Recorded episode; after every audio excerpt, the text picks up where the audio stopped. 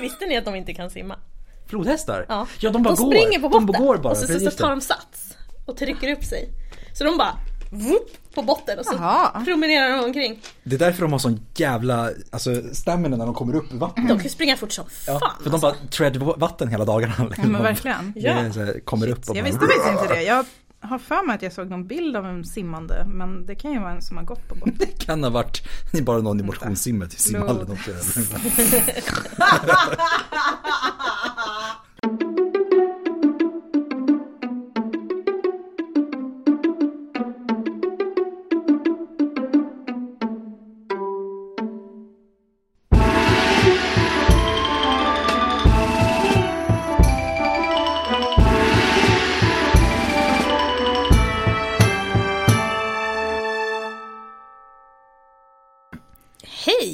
och välkomna till Podius Castus, en podd om antiken. Och vi som sitter här idag, det är jag Emily. Ja, Angelica. Och jag Adam. Och idag ska vi prata om eh, ett lite, eller det är ett lite annorlunda upplägg idag. Vi kommer röra oss i nutidshistoria typ och i antiken. Vi ska prata om Benito Mussolini och hans fascination med antiken. Woho! Eller ja. Det, känns, det kändes, o, alltså det, det var så här när jag researchade det här, det var ju onekligen lite liksom ja, I nutid kändes det som, det var inte så att det kändes som Men till det var- 20-talet. Ja men ja, 20-talet is back for, Aha. for sure. Vi gör allt. Speciellt efter valet i Italien. Ja men precis, det är pandemi och fascism, let's go. men lite så. Eh, Men sen kom det glada 20-talet. Sen gick det åt helvete igen. så Sen jag kom depressionen. Så att I don't know. Men vi är ju mitt i inflationen nu ja, det är så sant, det är maybe. sant. Depressionen är på väg. Ja. That's sad. Tack för idag. Vi ger upp nu! Jag går hem. Skit i det här. Nej. inte. Nej, men eh, ja, så det ska vi prata om idag. Eh, Mussolini, fascismen och antiken. Och vi mm, som vanligt börjar från början, tänker jag. Med lille Musse. Eh, Benito Mussolini föddes i Predapio, antar jag att man uttalar det som. Som var en liten stad Med i... händerna, med händerna. händerna. Predapio. Predapio. I, som var en liten stad i provinsen Forli Cesena i Emilia Romagna 1883. Mm. Pappan var ju då väldigt politiskt aktiv. Lite såhär socialist anarkist typ. Eh, mamman var katolik. Det var liksom När man researchade bara jaha, hon var katolik. Så där. Det verkar ha Så, varit typ som alla andra då. Ja. liksom, Ja men alltså så. Eh, så att pappa verkar vara väldigt politisk och hon var lite religiös så att Mm. den mixen växte han upp med liksom. Och två yngre syskon men alltså hans, hans barndom är nej. Ja. Eh, och han var med pappan på massa aktiviteter då, politiska aktiviteter. Eh, och det formar ju såklart ett barn Mhm. in i vuxen ålder. Eh, och hur han ser på världen. Ehm, han... ehm, han var väldigt anti-militär när han var lit, äh, liten eller yngre. Så han... han var liten. Liten. lille femåringen. Bara, Ja för sig, bara, ja säkert. Ja, jo, Skanderade det med pappa. Ja, i och liksom. för sig. Är det som om det var anarkistlägret som sagt så ja, det är klart. Det är Ja. klart. Så han sticker till Schweiz Mm. eh, mellan 1902 och 1904. För att slippa göra militären. Och då var han typ, vad blir det då? Ja, det är, han är 20, Ja, 20, Typ 20 bast. ungefär. Ja. Ehm, så att han, men han tog sig lite odd jobs, typ något sånt här mur, murarjobbaktigt. Mhm. Eh, och sen så var han socialistisk journalist och agitator, Ja, uppviglare typ. just det. Eh, och han, fick, han, han blev ändå ganska poppis.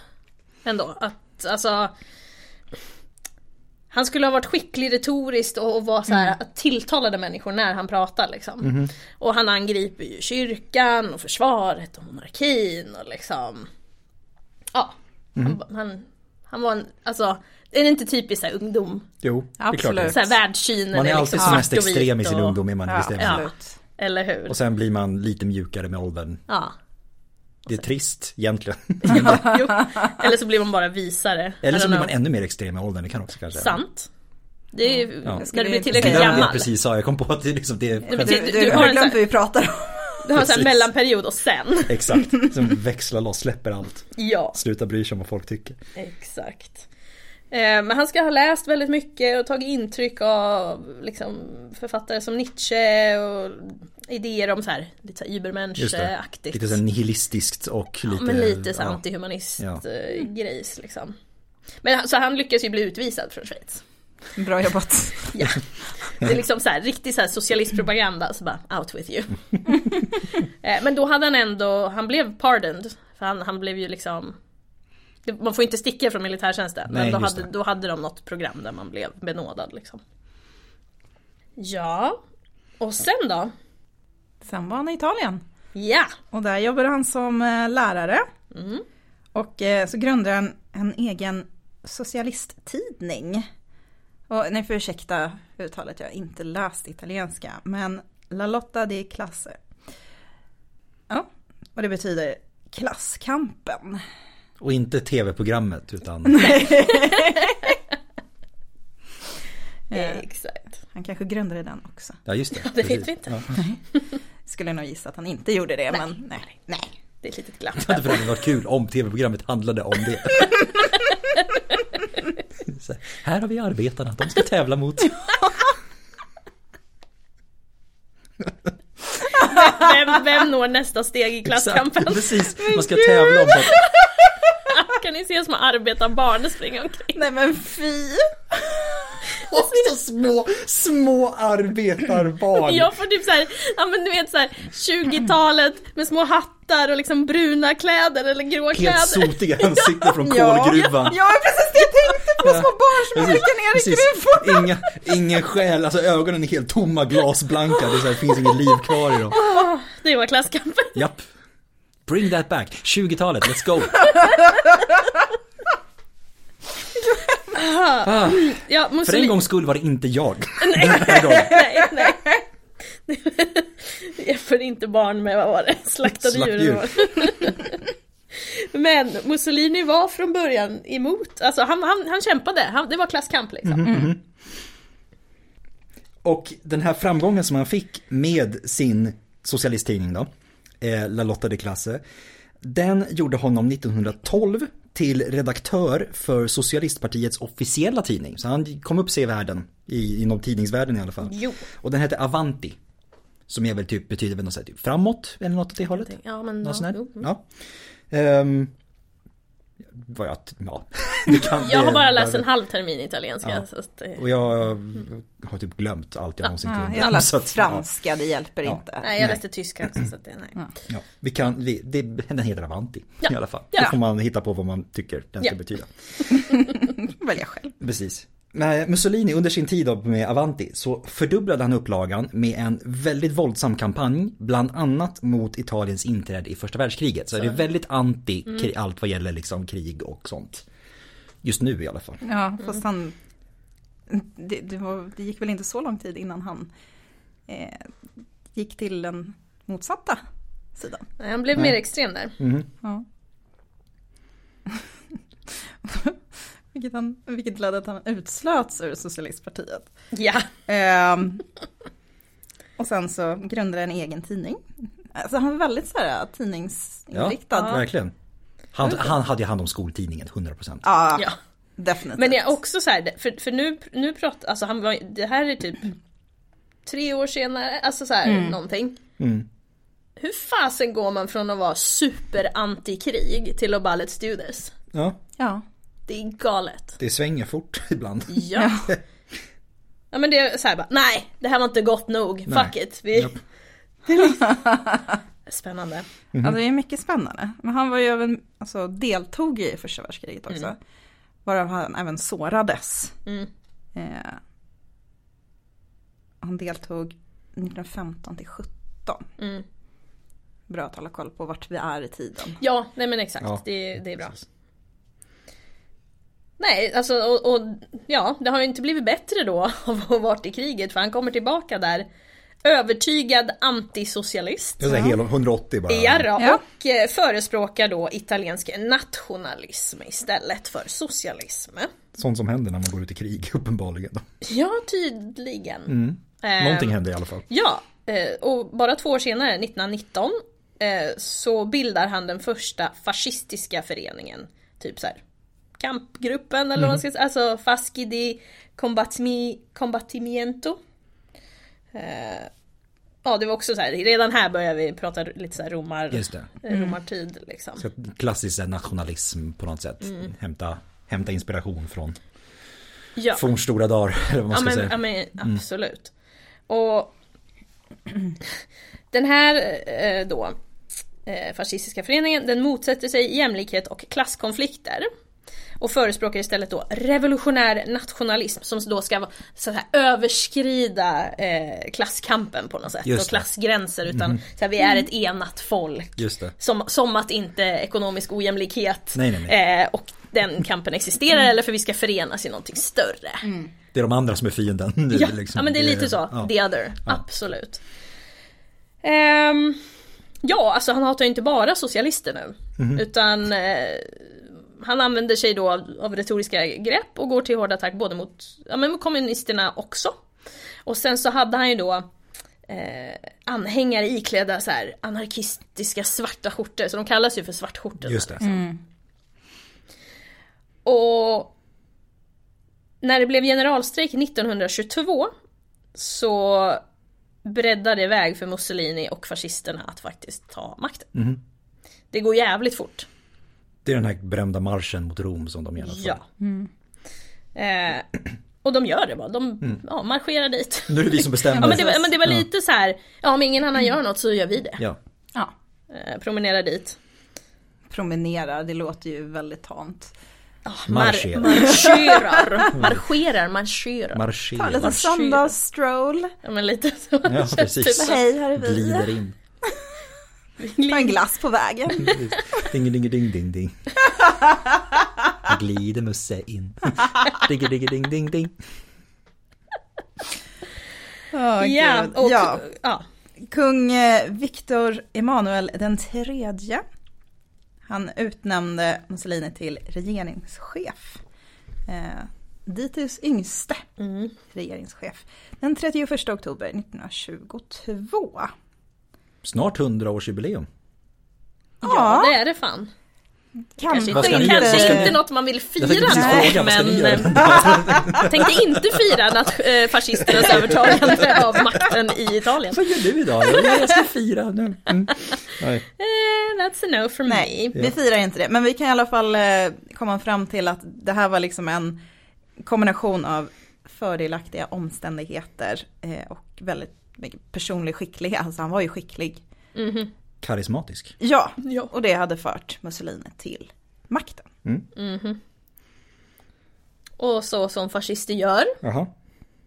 så eh, tar vi över helt. Vi inkluderar inte mig i ditt program. Nej.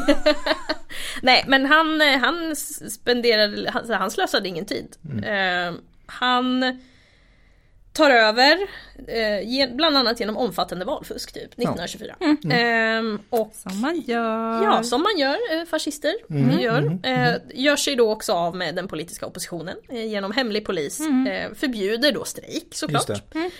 Ehm, ja, och sen så ändrar vi lagar. Eh, och förvandlar då nationen till en, en enpartidiktatur. Som man gör. Så som fascister gör. Ja. Väldigt effektivt. ja. Väldigt effektivt. Ja. Och så fem år senare, eller inom fem år, så hade Mussolini etablerat en diktatorisk auktoritet. Med både, alltså både lagliga och illegala medel. Och strävat efter att skapa en totalitär stat. Men det råder liksom inga tvivel, eller inget tvivel om, att liksom stora delar av Italiens befolkning stod bakom honom. Och i honom så såg man liksom den som kunde skapa på något sätt lag och ordning och stabil ekonomi och återge värdighet åt nationen och såna här saker. Liksom, du vet hela den här. Ehm, och mycket snart så förbättrades också landets ekonomi. Japp. Mitt i alltihopa. Ehm, diktaturen såg liksom till att ordning rådde men det var ju såklart på fascismens egna villkor. Ja, ja. Gud ja. Du kan, när man kan styra narrativet. så- Precis hur man vill. Man kan göra utan att behöva liksom förhålla sig till lagar och såna här saker så kan man ju också se till att göra det på helt andra sätt. Än vad man Gud har. ja. Ja, på sitt eget sätt lite. Ja, lite så. Ehm, och det här ledde ju också till att i och med att det blir lite grann som det kommer sen ske för en annan snubbe lite, några typ ett årtionde senare. Så blir man ju hyllad till en början för att man har ju faktiskt utåt sett lyckats med någonting och gjort någonting bättre vad det ser ut som i alla fall. Eh, vilket gjorde att Mussolini hyllades runt om i Europa och i USA. Jobb. Som lite som ett geni och en mirakelman. För att han hade ju faktiskt, som sagt, utåt sett så hade han ju faktiskt lyckats med någonting. Och det var det man tog fasta på liksom och tänkte att ja. man reflekterade liksom inte över Inte vilket pris. Nej men exakt så. Man, det, det är liksom ändamålet helgar medlen på något sätt. Ja, och jag menar om vi kollar på USA, så de har ju sina egna problem med rasism och liksom så att de, jag tror nog de tittar på honom och bara ooh. Ehm, det skulle inte bli förvånad om så var fallet liksom. Nej. Så snabbspola lite grann framåt då. Ja, ja precis. Vi ska inte, det handlar ju liksom inte om honom Nej, per precis. se. Exakt. Då är vi inne på den 10 juni 1940. Eh, mitt uppe i andra världskriget. Jo. Och Mussolini beslutade då att gå in i kriget på axelmakternas sida. Han hänger alltså med tyskarna och japanerna. Ja. Exakt. Och det är också, han går också in i kriget just nu när det går bra. Om man Ja. säger också. Gud ja. Inte från början innan han visste hur det skulle gå. Nej, Utan nej. nu när han kan konstatera att ja, men det går faktiskt Absolut. ganska bra just nu. Men eh, ja, det är ju inledningsvis så är det ju framgång för honom. Men han stöter på motgångar på flera fronter. Eh, de allierade invaderar ju Sicilien. Och det i sin tur gör ju att Mussolini förlorade stödet från befolkningen och eh, medlemmarna i fascistpartiet. Mm. Som en konsekvens av detta så antog eh, fascismens stora råd tidigt, den 25 juli 1943, så tre år senare, efter att de gett sig in i skiten, en misstroendeförklaring mot Mussolini då. Och eh, senare samma dag, hände mycket den dagen, så avskedade kungen då, alltså Viktor Emanuel den tredje, eh, Mussolini som regeringschef. Och lät placera honom i förvar. Det är ett fint ord för att du sitter i fängelse, Ja, jävel. precis. Verkligen. Eh, och sen så utnämnde han Pietro Badoglio. Badoglio. Sure. Sure. sure. Jag har redan sagt att jag inte... Eh, Ja, det låter ju rätt. Ja. Alltså vad kan man säga? Vi är i alla fall ödmjuka i Ja, det. precis. Men Pietro Badoglio, han eh, utnämns för att efterträda honom som Mm. premiärminister. Och sen går kungen med på ett vapenstillestånd mot de allierade. Eller med de allierade. mot de allierade, det var lite hårt. Um, Mussolini han räddas den 12 september 1943 från sin fångenskap i den så kallade Gran Sasso-räden av tyska fallskärmsjägare. Så jag ser liksom den filmen framför Ja, eller Inglourious. Basterds som Ja. bara liksom dyker in. Ehm, och efter att han då blivit eh, frigjord. Fritagen. Fritagen, heter det så?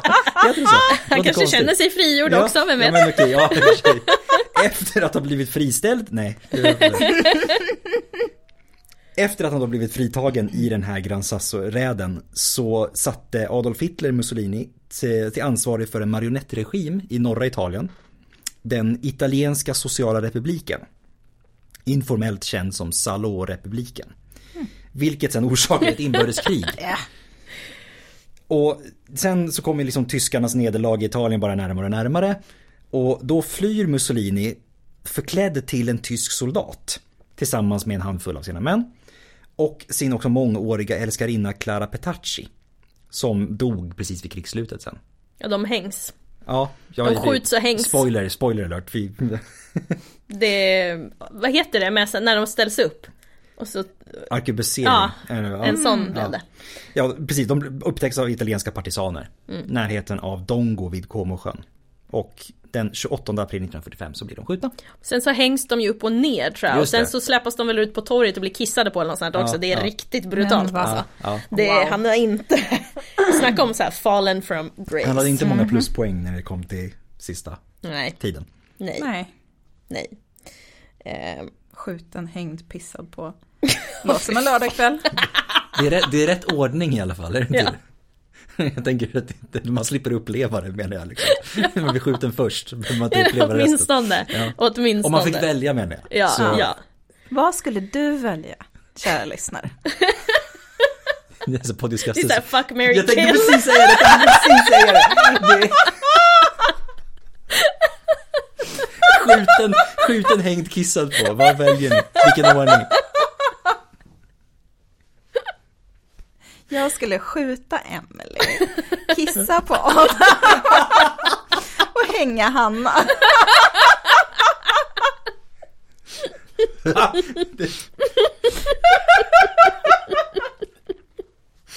Skriv in till Ja, podiuskastus. Jokes on you, I'm into it. Vilken ordning du skulle... Märk ditt svar med Vinnaren läses, nej.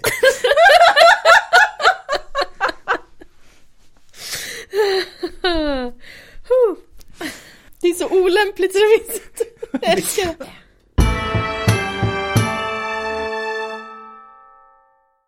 Och då är det dags för Adams etymologihörna.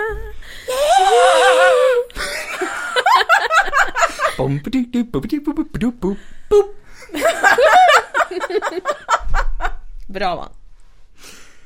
Fascism kommer från latinets fasces, som är plural av fascis, vilket betyder typ bunt eller knippe av någonting. Det är i just det här ordets mening då sammanbundna knippen av träspön med en instucken yxa i mitten. Och det man har nog sett det, polisen har det i sin logga. Om man vet, eller om man vet hur den ser ut. Åh fan. Två stycken korslagda fasces. Under riksvapnet då. Alright. Go, go, go, go.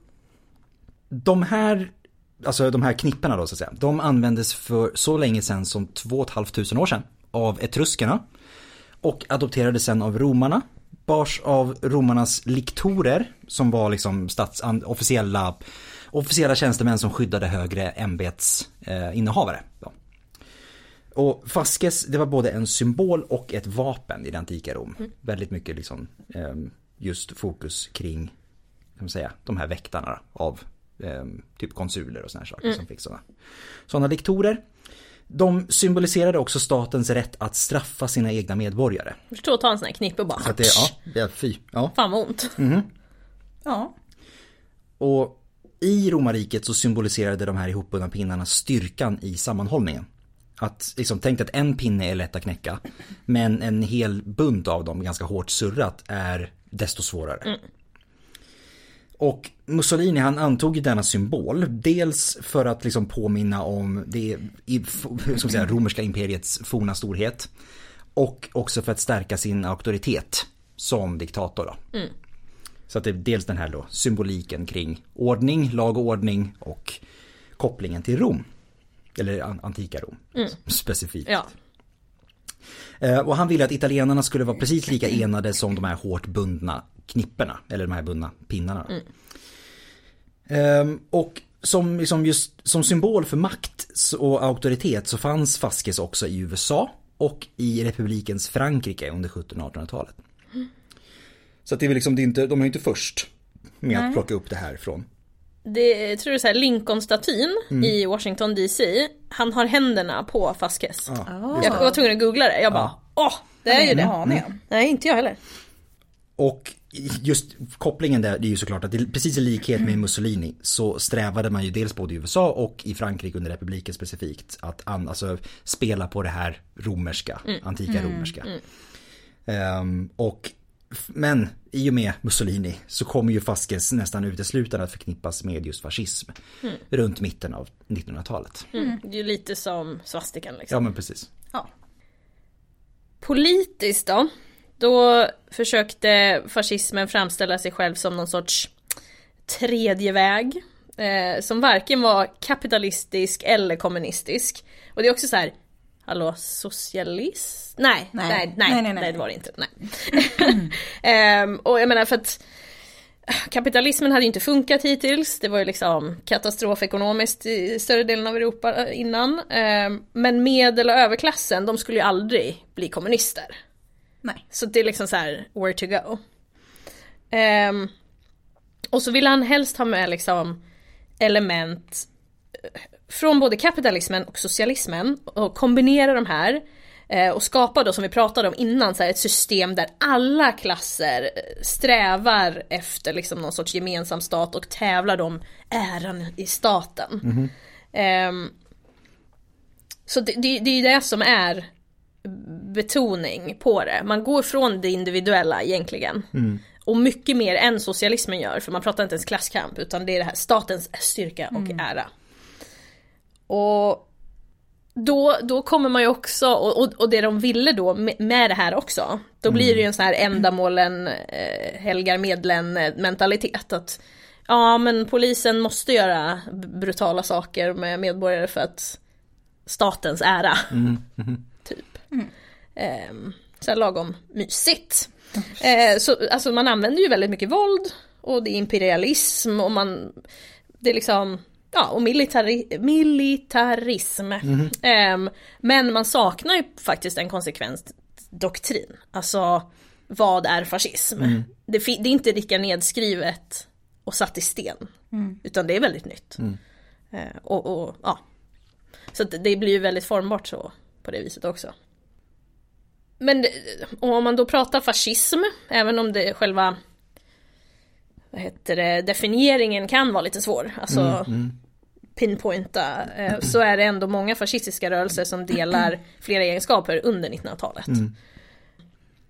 Man hämtar eh, politisk styrka då från befolkningar som är utsatta, till exempel då upplever ekonomiska problem, oavsett om de är verkliga eller inbillade. Just det. Eh, och då nytt, nyttjar man de här eh, farhågorna och de här rädslorna. Och så flyttar man bort skulden från sig själv, från staten. Och så lägger man det på eh, någon annan. Ja, Typ en syndabock.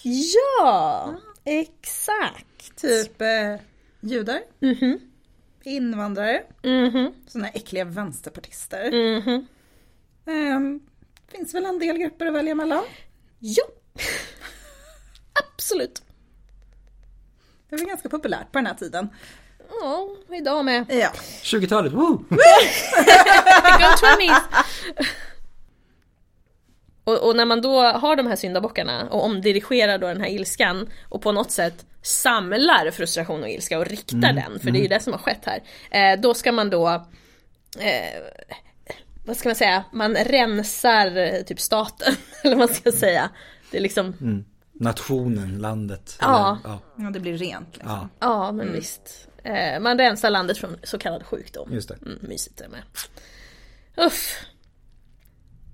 Och för att ena det ytterligare då, eller cementera enandet ytterligare, så propagerade också de fascistiska rörelserna en extrem nationalism som ofta gick hand i hand med just militarismen och en tanke på rasrenhet. Som är väldigt poppis för det här laget. Ja. Mycket tack vare Sverige faktiskt. Med, ja. just det, precis. Rasbiolog. Rasbiologiska institutet i Uppsala. Fantastiskt. Ehm, och en, om man säger liksom, en nations välstånd tänkte man liksom var beroende av en enhetlig politik.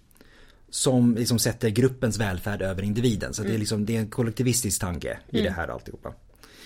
Eh, Och man tänker att en stark och vaksam militär var nödvändig för att försvara de här gruppintressena man hade.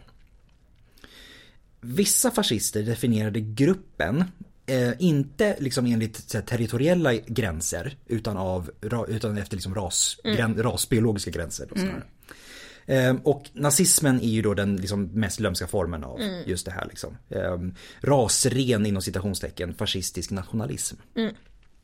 Exakt. Så att all nazism är fascism men all fascism är inte nazism. Exakt. Ehm, och under 1900-talet så kritiserade också fascistiska rörelser också ofta liberalismen för den här påstådda rollen som den ska ha haft i att så politisk oenighet och moralisk degeneration. Så att det är den som Det- blir en utav syndabockarna, ligger bakom liksom allt som man behöver rätta till. Liksom. Ehm, Även om många fascistiska rörelser till en början organiserade sig kring demokratiska institutioner för att liksom skapa politisk legitimitet inom systemet. så tillgriper man i praktiken totalitarism. Men det- det- Totalitarism. Exakt, man utnyttjar ju demokratin Ja, för att avveckla demokratin. exakt så. Exakt så. Ja. Och en del av den här processen blir liksom om- omorganisationen av samhället kring en strikt moralisk kod. Som liksom ofta försökte vända den här prefa, alltså förfascistiska kulturens dekadens. Så man hade hela tiden någonting att jämföra mot. Någonting att hela tiden liksom ta siktet inställt på. Vi ska göra annorlunda. Typ Vi ska- PK-samhället. Typ så, vi ska ändra det här. Ja. Vänstervridna och PK. Precis. Om man då ska prata Sverige 2020. Mm, Eh, Den typen av retorik. Och ehm, kanske icke förvånande, de mest framstående fascistiska regimerna på 1900-talet är just de i Tyskland och Italien. Som vi var inne på också, så den, den tyska fascismen tog formen av nazismen. Då. Och den reser sig ju askan ur Weimarrepubliken efter första världskriget. Det blir den här korta pausen liksom med republik innan Innan Adolf och grabbarna kommer till... kommer till precis. Men det är ju fan det. Ja, Ja, jo. japp. Ehm, och det är liksom det är inflation, det är stigande arbetslöshet, djupa politiska splittringar som ligger till grund för liksom, eller som används Vänta, som vänta ligger pratar till... du idag? Nej, jag pratar 20-talets Tyskland. Eh, som liksom just, det är liksom, och så har vi den stora depressionen såklart på allt det här. Ehm, och det man hade, jag menar, det, det som man antog, ansåg vara det här förödmjukande nederlaget i första världskriget och hela alltihopa som bara ja. man spelar på till fullo. Och det skapar ju de här förutsättningarna som gjorde att nazismen växte fram. Och kunde blomstra. Ja. Japp. Ja. Ja, och så kommer ju då nazistpartiet. Mhm. Eh, Adolf Hitler, han lovar ju då stabilitet, återgång till förkrig, eh, förkrigstidens tyska storhet och stolthet. Och na- eh, nazismen är ju då, det är militaristisk nationalism, man hånar då kulturell dekadens. Och sen anklagar man marginaliserade grupper då, främst judar, för Tysklands sociala missförhållanden. Och just det här eh, kulturell dekadens håning, det är liksom så här kultur och bildning vill man ju egentligen inte ha. För då tänker man själv. Ja. Det vill vi inte ha. Och så skyller vi då på en grupp som har det relativt gott ställt i Tyskland när det går åt helvete just för resten av befolkningen. Och det var ganska enkelt som du sa Adam. Ehm, nazisterna då, de styr Tyskland från 1933 ehm, och s- sprider ideologi genom erövring och folkmord tills det går åt helvete 1945 för dem. Eh, italienarna däremot, eh, likt eh, Tyskland så börjar rörelsen efter första världskriget. Men de når ju makten då som du sa tio år tidigare. Ja precis. Mm. Och Mussolini var ju faktiskt inspiration för Hitler. Mm. Mussolini däremot var inte jätteförtjust i Hitler. Mm. Han såg ju ner på honom först. Tills det började gå bra och då var det så här, fuck. Tills, måste. tills maktförhållandet vände liksom. Lite så. Men ja, eh, så under Mussolini så eh, använder ju då hans rörelse så här, de här svartklädda paramilitära trupperna för att skrämma då bland annat vänsterpolitiker och socialister och sen tar vi kontroll eh, under efterkrigstidens Precis. ekonomiska kris. Och han han gör precis som Hitler, du vet, så man, man ger sig på demokratiska institutioner, man avvecklar yttrandefrihet, man attackerar politiska motståndare och engagerar sig liksom i hård övervakning av befolkningen. Eh, och även om den var våldsamt främlingsfientlig så var den från början inte antisemitisk alls, utan det var först senare som man började liksom plocka in lite antisemitiska lagar. Och det var, det var ju det lite som la grunden till Italiens och Tysklands samarbete. Just det. Så att Man gjorde det mer som en, typ som en eftergift jag nästan. lite tror grann. nästan det, för det var faktiskt många judar som var fascister. Eh, och Mu- Mussolinis fokus var inte han, han, han, han skyllde ju mer på socialister och Just det. sådana grejer än på Men, judar. meningsmotståndare. Ja, men mer, lite den. eh, Generellt. Ja. Så. Så att, ehm, ja, mysigt. Mm. Alltihopa. Mhm. Ehm, nu har vi avhandlat Det. Nu kan vi komma till, nu kan vi komma till sak. Nu har vi avhandlat Mussolini, vi har avhandlat fascism. Yes. Eh, låt oss komma till sak. Alltså främst fascismen och Mussolini, men också lite nazism. Och deras fascination med det förflutna och framförallt antiken och Rom. Just det.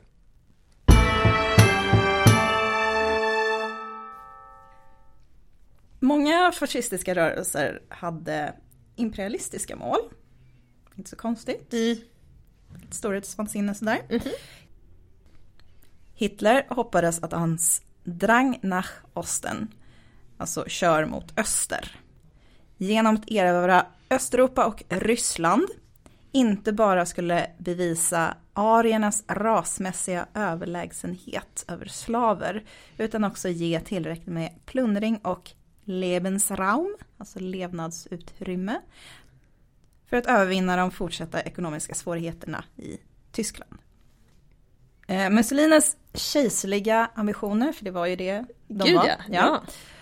de var riktade mot Nordafrika och hans arméer invaderade Etiopien 1935. Det är också så här, ja, vad gjorde romarna back in the day? Precis. Afrika. Inom den italienska fascismen så saknas den här äh, nationalsocialismens definition av folket som det gemensamma blodet. Alltså inom citat. Mm, ja men typ det här ariska rasen grejen som vi Ja. sa liksom. Och man fokuserar ju på den historiska nationen. Främst då kika på romarna då, som, som eh, alltså mot det här svaga Italien som har varit innan då. I, eh, jäm- och jämför det med den romerska republiken. Och det är det som inspirerar eh, den italienska fascismen. Men Hitler beundrade ju också det antika Rom. Mm. Och det var liksom en så att säga, kristalliseringspunkt för ett världsimperium. Mm. Just det, världsimperium, det är ju svinläskigt. Ja, gud. Det var liksom en huvudstad med så massiva offentliga monument som så att säga, vad ska man säga, speglade statens överhöghet och den politiska makten hos den antika världens mästerras. Ja, och redan där har man ju tappat det liksom. För att romarna såg ju inte på ras på det Nej. viset överhuvudtaget. Och det, det är ju så tydligt att man liksom kollar på så här stora blaffiga monument, eh, militären i Rom och bara ja de, de erövrade och, och la, la folk under sig. De måste ha sett sig som överlägsna. Och det är så här, absolut. Men det har ju ingenting med att göra att de är ras, Nej. alltså deras ras eller vad man ska De- säga. Inte den där tanken på renlighetskänslan på något sätt. Det finns Nej.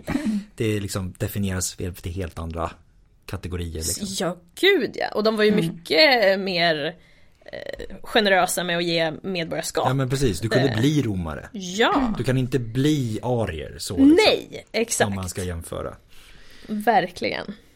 Men Mussolini, han, han förvandlade ju de här äh, monumenten i det här kejserliga Rom eh, till typ symboler för fascismen och det här beundrade Hitler.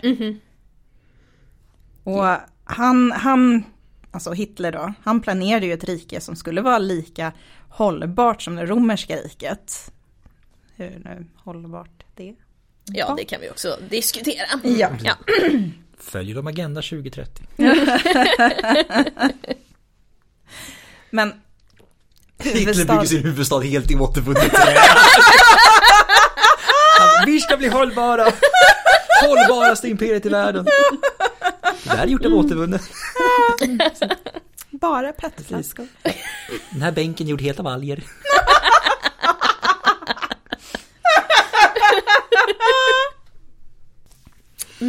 I alla fall.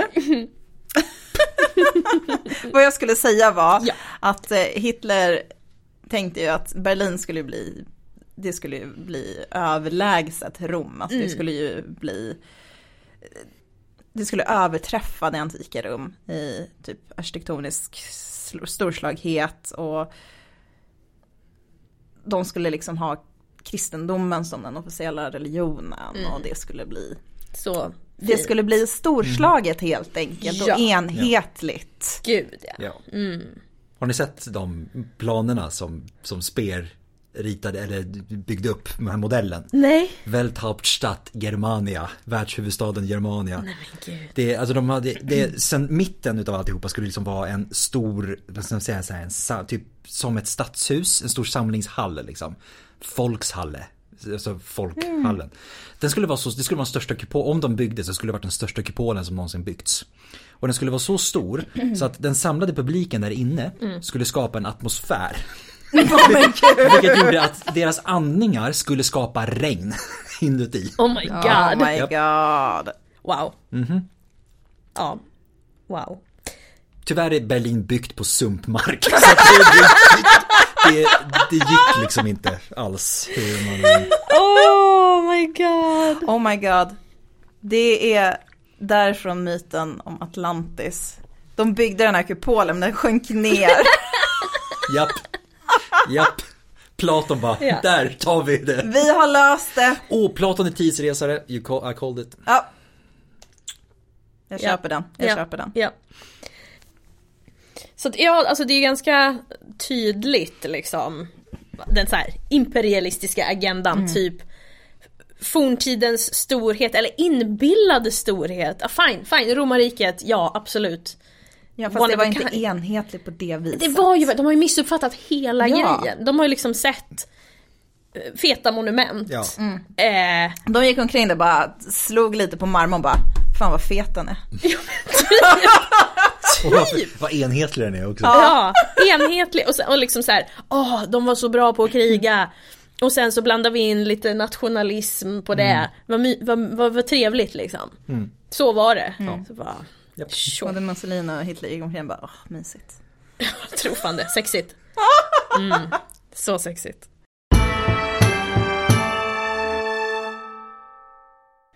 Ehm, så att nu har vi lagt the base. Det här är liksom motivationen. Man vill, man, man, man vill bygga en, enhetlighet genom det historiska. Peka liksom. Yes, yes, yes. Ja.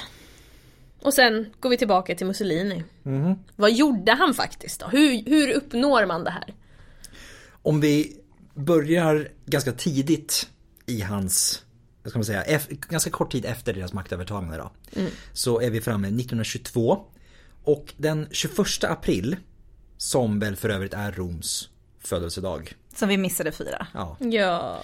Eh, men så, så förkunnar Mussolini för Italien att Rom är deras utgångspunkt. Rom är liksom måttstocken för allt. Det är liksom den stora symbolen och det är deras gemensamma myt på något sätt. Som Det är här allting, allting kommer härifrån. Och det här var liksom inte bara, ska man säga, rent idealistiskt prat från någon som liksom försökte behaga folket. Eh, utan alltså Rom i, och då särskilt i antika kejserliga Rom, kejsarnas Rom, var ju liksom centralt i Mussolinis vision. Om hans, om hans fascistiska stat. Liksom. Han ja, för vi dit. pratar ju inte republik direkt Nej, vid den här tiden han om stod man säger inte- så. Nej, men precis, han, stod Nej. liksom, han stod inte bara och sa det så att han skulle låta som någon som de skulle tycka om. Liksom. Nej. Han ville dit. Eh, och Mussolini han försökte koppla den här italienska fascismen, inklusive sina då imperialistiska drömmar eh, och den här visionen om att liksom göra Italien till en modern militärmakt helt enkelt. Ehm, och ville då liksom också kunna mäta sig med det antika Rom i allt det här. Så det är, mycket, det är stora planer för en väldigt liten man. Ja, men verkligen. Ehm, och han, liksom, man kunde i och med att man fortfarande kan se monument och akvedukter och alltihopa. Från det antika Rom så får man ju ständigt den här påminnelsen. Historiens vingslag. Ja. Lite så. Ehm, och det, liksom, det också blir någon form utav, vad ska man säga, det här beviset på det antika imperiets storhet på något sätt. Som man hela tiden går i skuggan av. Liksom, lite sådär. Ja men som Ehm. akvedukterna. Mhm. Det var ju, det var ju stor ingenjörkonst. Såklart. och att se och det idag, och det är de ju står, fantastiskt. Och de står kvar. Och, Ja, ja, men det- jag ja. förstår liksom den Ja, ja. känslan. Ja, absolut. Bara, wow, det här, det här gjorde de för 2000 år sedan. Gud ja. ja. men den får man ju varje gång man är, Ja, ja. man Ja, ja. är Ja, och- absolut. alltså. Och så har man Colosseum. Ja. liksom, det, det är ju, de, de står där. Liksom. Ja, Bara väntar på att bli gjorda till symboler. För. för fascismen. Ja, då. Ja. Om de inte ville bli symboler då borde de ha gjort något. Nej, ska Victim blamer ja men monument. precis. Ja, och Mussolini då, han ville göra de här, just de här monumenten till en helt, alltså fullt synlig daglig påminnelse om vad Rom en gång var och vad Italien kunde bli igen. Liksom. Och Peter Wagner skriver 1928 i Classical Journal att, eller han skriver så här. Kommer inte dessa återuppståndna minnesmärken, imperiets själva helgedom, få det italienska folkets hjärtan att brinna ännu en gång av nationell stolthet och passion för utländsk expansion och världsdominans. Wow. Mm. Sexigt. Ja, verkligen. Läser igen, nej. och i och, med, i och med det här så kommer ju självklart den här lilla frågan om geografi. Ja. För Rom var ju inte begränsat till den italienska halvön. Nej. Utan Rom fanns ju över hela Medelhavet. Och vill man bli som Rom, då behöver man ju bli som Rom. I alla dess avseenden. Så att det blir den här visionen om att återupprätta rent geografiskt det romerska imperiet. Nu ska vi bege oss ut i ja, omliggande länder Ja. också. Och säga att hörni, nu går vi tillbaka i tiden lite grann. Nu blir det så här istället. Ja. Jag tänker den, den maktgalenheten att tro att man verkligen kan uppnå det. Och känner att man legit får, eller bör, eller kan, Ja. eller ska Ja, liksom. ja men precis. Det är så konstigt. Det är Och galet. tro att man, alltså, säg att man skulle kunna nå dit. Hur tusan ska man kunna upprätthålla det? Han, jag tror inte han tänkte så långt. Nej. Nej, precis. Åh. Herregud. I, I likhet då med att fascismens väg skulle vara en tredje väg. Så skulle Rom, Mussolinis Rom, vara ett tredje Rom. Just det. Ehm, efter då Augustis, Aug, Augustinska Rom, eller vad ska jag säga? Kejsar Augustus, Augustus Rom. Rom, ja. Augustus Rom. Som, som då varade 27 före vår tideräkning till 14 efter. Mm. Och sen fanns det ett andra Rom då under påve Sextus den femtes påvedöme 1521 till 1590. Just det. det Så att nu, nu, nu kommer det. Det Tredje liksom- Rom precis. och sen som Hitler, tredje riket. Exakt, ja, ja. Det är allt det här med tre, Tre. alltså. Tre. Three is a magic number. Ja. Yes it is. It's a magic number. Ehm, och som sagt, det här skulle ju då ske genom eh, kolonialäganden och expandera Just detta. Eh, så att han eh, beordrar på 20-talet en pacificering av Libyen, instruerar bombningen av Korfu när han har bråkat lite med Grekland. Ja. Eh, och sen så etablerar han ett protektorat över Albanien och införlivar staden Fiume i den italienska staten. Via avtal med Jugoslavien. Så att det är liksom, Nu kör vi all in bara. Damn! Ja, det går OK liksom. Ja. Eh, och sen som vi sa tidigare så, så eh, drar han sig in i Etiopien 1936. Eh, och slår samman då Etiopien med det italienska Östafrika. Eller så här, och Eritrea och Somalia. Alltså allt det här är liksom Precis. italienska Östafrika helt plötsligt. Man bara okej, Eritrea, Somalien och Etiopien. Mhm. Okej, sure. Och sen så 39 så plockar de även Albanien. Mm. Så att, eh, ja, det, det går inte dåligt än. Nej, det går inte. Nej, precis. But he's Ehm, dead now. So. He dead now. Eller nu ja. ja, jo, det hade han nog. Det är lite väl, om man föddes 1890 någonting. 1883. Ja, 18, precis. Det, Så att alltså, han är ju the man. Eh, alltså, Men typ sen blev han skjuten och pissad på. Så. det var way later, come on! Ehm, och sen, och sen så, så eh, mellan 36 och 39 så beordrar han även en framgångsrik italiensk eh, militär intervention typ i Spanien till förmån då från, Fr- för Franco. just det. Tillsammans, ja, precis. Exakt, exakt. Liksom.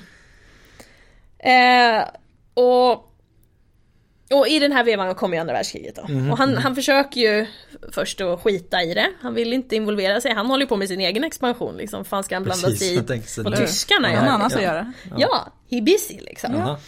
Ehm, Busy Benito kan vi ja, han, men han skickar till och med trupper för att försena Tysklands annektering av Österrike. Liksom. De står där och bara stopp! Vänta! Man nej sluta. Eh, och, och sen så går han eh, även in i en allians med Frankrike och Storbritannien mot Tyskland ett Just det, tag. precis. Sen så Eh, Han är med, även med i en, en utvärdering eh, där en bomb hade exploderat i Kina vid en järnväg som kontrolleras av Japan. Eh, Japan erövrar ju då området sen. Ja, ja. Så att det, ja, men anyway, han, han är ändå så här medlare och liksom The good guy. Ja men alltså han är med i något jävla fredsavtal också mellan så här, Storbritannien, Frankrike, Italien, Japan, Grekland, Rumänien och Jugoslavien och, liksom, och, och Turkiet. Liksom. Ja, han, han, han jobbar på. Eh, ännu fler överenskommelser, alltså det är en hel lista. Ja, grejer, herregud, liksom. Vi ja. behöver inte gå igenom Nej, allt nej. men han Alltså han är, he's, he's a good guy. Jaha, Uh. ja. Ehm, tills Han får lite konstiga vänner. Ja, då blir inte Storbritannien och Frankrike speciellt glada för han bara ja, men Tyskland och Japan är inte too bad, eller? Och de bara Jo, det, it's bad.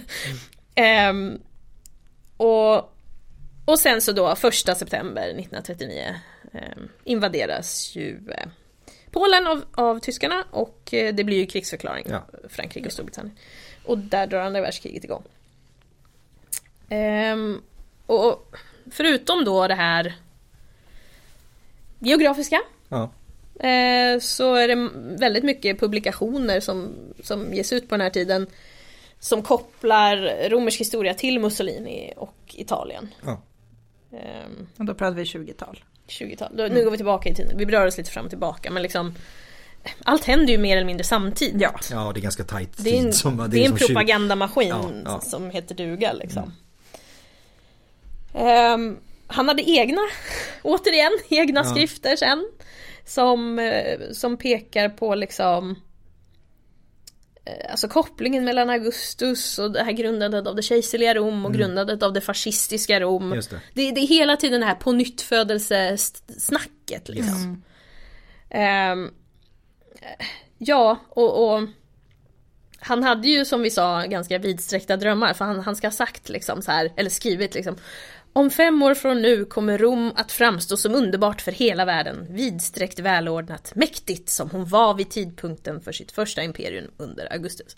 Alltså man vill ju kräkas lite. Alltså, Det är ambitiöst. ambitiöst och bara en jävla Och sen kunde han inte, ja, han kunde inte liksom. leva upp till det direkt heller. Liksom. Eh, och, men i, när man lovar så här mycket, Jaha. då är det ju bara att kämpa på med, med propagandan. Då nyttjar vi ju liksom romersk arkitektur för politisk agenda. Vi förvandlar staden till en passande huvudstad för det fascistiska eh, Italien. Och men att då försöka så här förena de här ideologierna med verkligheten under ett krig liksom.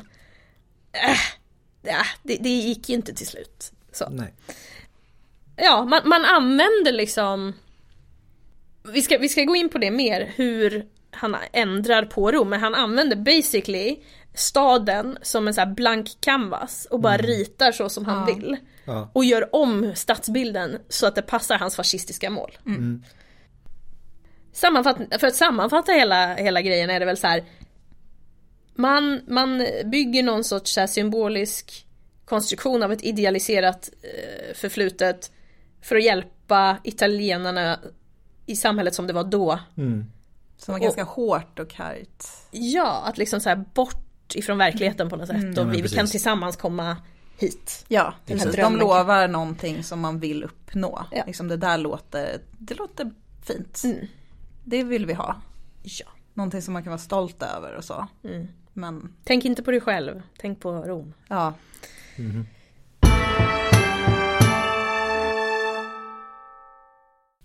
Ska vi prata lite ideologiskt begrepp? Ja. Vi, om vi tänker så här. Alltså, alla kan nog vara ganska överens om att historia är ett ganska kraftfullt verktyg rent retoriskt. ja. Och har ju självklart väldigt ofta använts för att legitimera makt och rättfärdiga politik. Ja. Ända sedan tidens begynnelse mer eller mindre har man använt sånt. Eh, Och Mussolini var ju såklart inte sen på bollen som vi har etablerat vid det här laget känns det som. Och han använde ju såklart den romerska historien för att popularis- popularisera sina kampanjer och sin regim. Och just det här, det retoriska åberopandet av historien centrerade sig ju kring det antika Rom, dess mytiska historia och som manifesterade sig i främjandet av vad som kallas för romanita. eller romerskhet. Lite översatt till svenska. Liksom. Ehm, Och Romanita, det betonar just arvet från det antika Rom och lyfter fram det som var så härligt med det antika Rom. Det är liksom en, det är en superkraftfull källa till nationalism. Som hjälper det här liksom nedbutna italienska folket att bygga upp den här nationella stoltheten. Som han, som han vill åt. Liksom. Jag tänker på att det luktar fisk överallt. Absolut, garum. Absolut. Det är, det är att piss liksom. Ja. Ja. Angelica ligger där, det är kissad liksom. Luktar, luktar garum och, och säger Känner du den nationella stoltheten nu? Sexigt! Precis.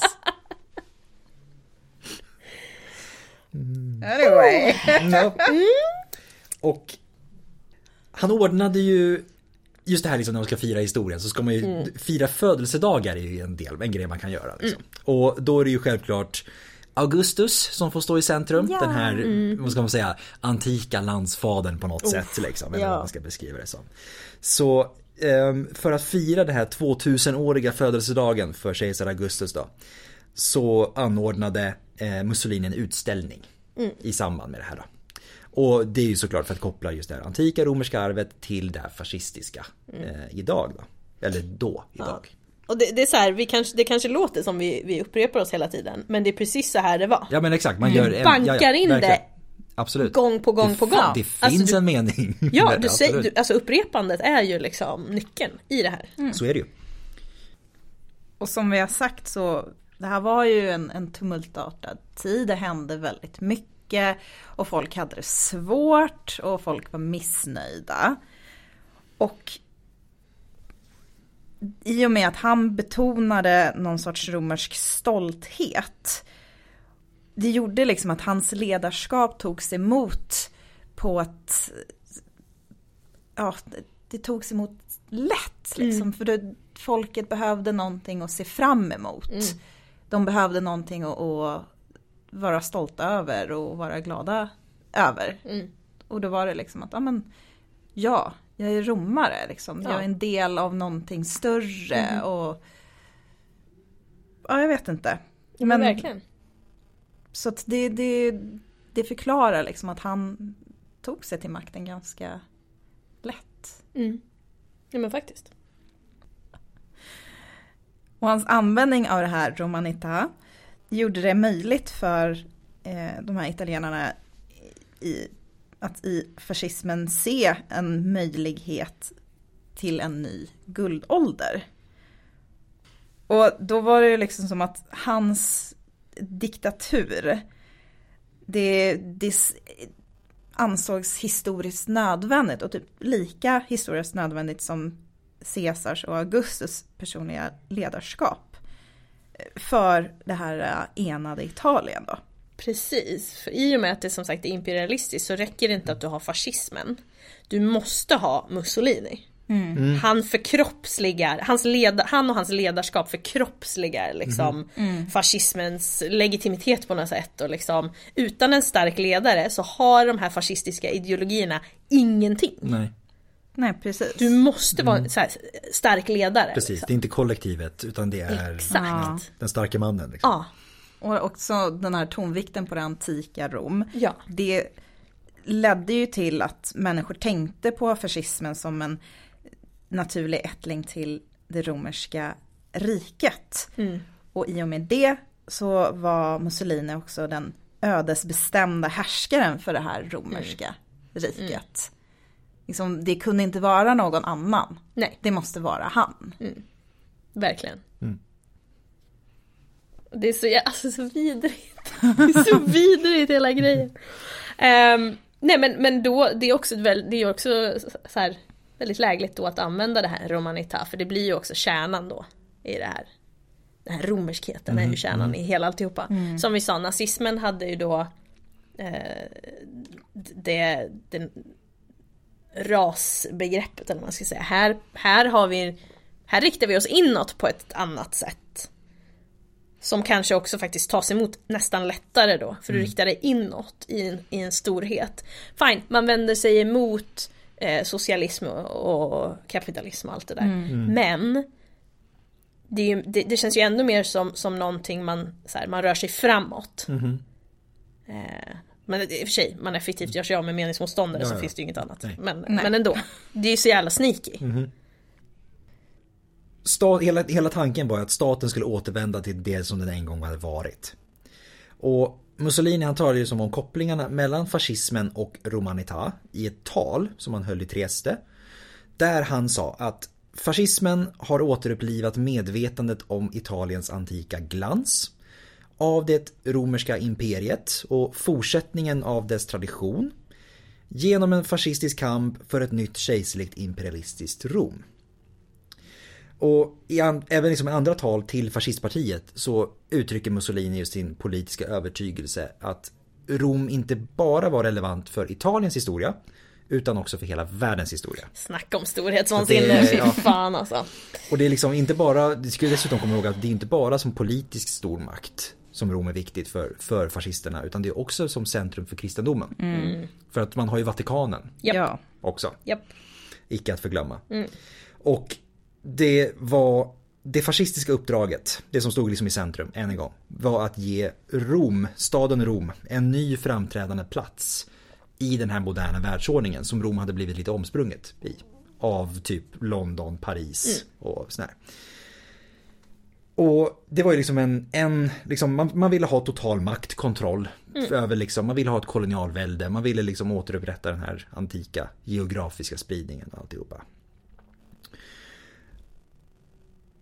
Han hade ju som vi, precis med hans, från hans tidningsdagar, han var, han var pippig på att skriva saker och liksom Ja. publicera saker. Och han hade ju ett verk som heter Opera Omnia, eh, som just var liksom väldigt politiskt under, ett, ett politiskt verk som Ja. han släppte. Under hans regeringstid mellan 1922 och 1943. Och i det här verket då så ut, alltså, utforskar man de här centrala delarna av Romanita. Inklusive då de här historiska personerna man eh, beundrade så mycket, som Augustus och Caesar. Man pratade mycket om antika ruiner, idén om imperiet, alltså ren du vet, Ja, men det- propaganda, propagandatidning. Alltså det här liksom. går ju rundgång hela tiden. Ja, bara hamra in den här tanken om Gud, eh, kopplingen mellan antiken och eh, den fascistiska staten. Liksom. Och Mussolini använde ju den här gemensamma romerska kulturen för att binda samman den här nya italienska nationalismen. Hela tiden, om och om igen. Ja. Hamra in det liksom. Och den här kulturpropagandan den manifesterades dels i de här liksom arkitektoniska temana som alltså detaljer på byggnader och grejer. Tänk typ örnen, den romerska örnen. Eh, Fasces som jag var inne på, inne på tidigare. Ehm, och man smyckar ju ut byggnader med de här detaljerna liksom, så mycket man bara kan. Eh, men sen så blir det ju också det här man får liksom jobba fram en sorts arkitektoniskt, vad ska man säga, ett bildspråk nästan i arkitekturen. Liksom. Som man kopplar till historien och alltihopa. Och det är liksom det är en väldigt minimalistisk arkitektur som man framspråk, eller förespråkar under den här tiden då. Väldigt mycket klassisk stil såklart. Och det är ju ett, ett arv från den här nyklassicismen liksom, som har varit tidigare under 1800-talet. Sådär. Ehm, och man vill ju liksom eh, Man vill ju så ut, vad ska man säga, utradera det vad man ansåg var den här misslyckade liberala historien som har varit innan den föregående perioden. Liksom. Och istället då visa upp den här fascistiska blandningen av den här historien och, moder- och det moderna. Liksom, den här Everything comes together på något sätt. Liksom, Att det antika arvet och framtiden på något sätt. Liksom. Ehm, vilket gör att Romanita är ju liksom inte en uppmaning att återvända till det gamla sättet. Nej. Utan det är liksom snarare en, en modern ska man säga, en modern hyllning av det antika. Ehm, inspiration för den här uomo novo, alltså den nya människan. Eller liksom den här nya fascistiska staten. Så att det är liksom man plockar upp det gamla för att väva in i det nya och ta sig vidare därifrån. Liksom.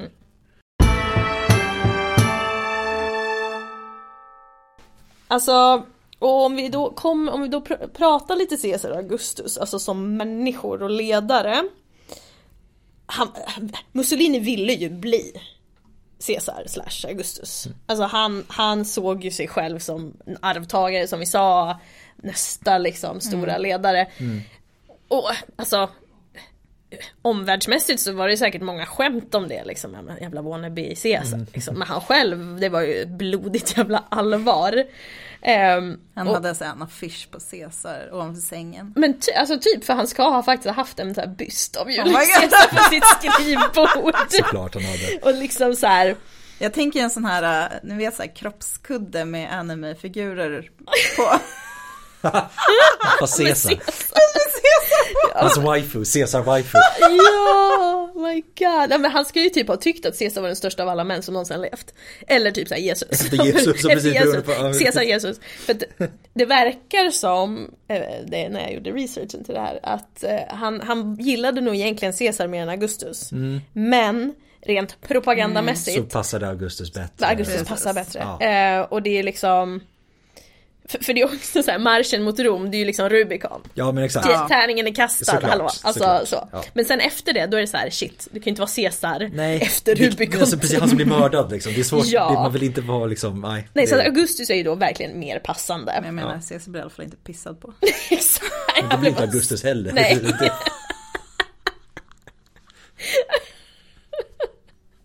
Men Augustus blev inte mördad. nej. Nej, det blev ju Caesar. Det är där, Han slutade ju som Caesar, Ja. typ. Ja, jo, ja. Ehm, nej, så att, så att han använder sig väldigt mycket av Augustus istället. eh, Och försöker modellera sig efter honom och fokusera på Augustus. Ehm, men vi nöjer oss ju inte bara med Augustus. Utan jag menar han är ju också, han är ju även Tiberius och Claudius och Nero och Trajanus och alla andra. ja. He's everyone. Sen kanske det inte är så smart att vara verkligen alla, men okej, okay, if, if you wanna go that way. Um, nej men liksom, och när han, när han då eh, avsattes så ska det ha funnits massa så här graffiti som, som ska ha hånat då den här eh, idén om att han, att han ska ha varit någon sorts så här eh, Caesar. Så han ville typ vara Caesar men han dog som, som Vespasianus eller något. Alltså såhär, jävla pseudo... Precis, det var fett hårt mot Vespasianus. Men det är också så här det här pseudogudomliga liksom, jo. ja, you died you bitch liksom så. Men det är också i och med det här, och, och det är faktiskt det fysiska som har lämnat ganska, mycket stora, ganska stora spår då av fascismen i dagens Italien. Eh, och hans person, han hade ju ett personligt intresse i romersk arkeologi, men inte inte för historiens skull som sådan, Nej. utan hur kan jag använda det här i min propaganda? Såklart. Och det som händer då när man liksom, och det här har hänt all over the world, eh, verkligen i Grekland också. Men i och med då att vi ska nå det här romerska arvet, då har vi ju en massa byggnader från senare tid. Vi har ju medeltida byggnader, vi har barocka byggnader, vi har renässans eh, byggnader. Bort med skiten. Vi ska befria det antika romerska i detta och liksom rensa bort allt det äckliga och typ smutsiga.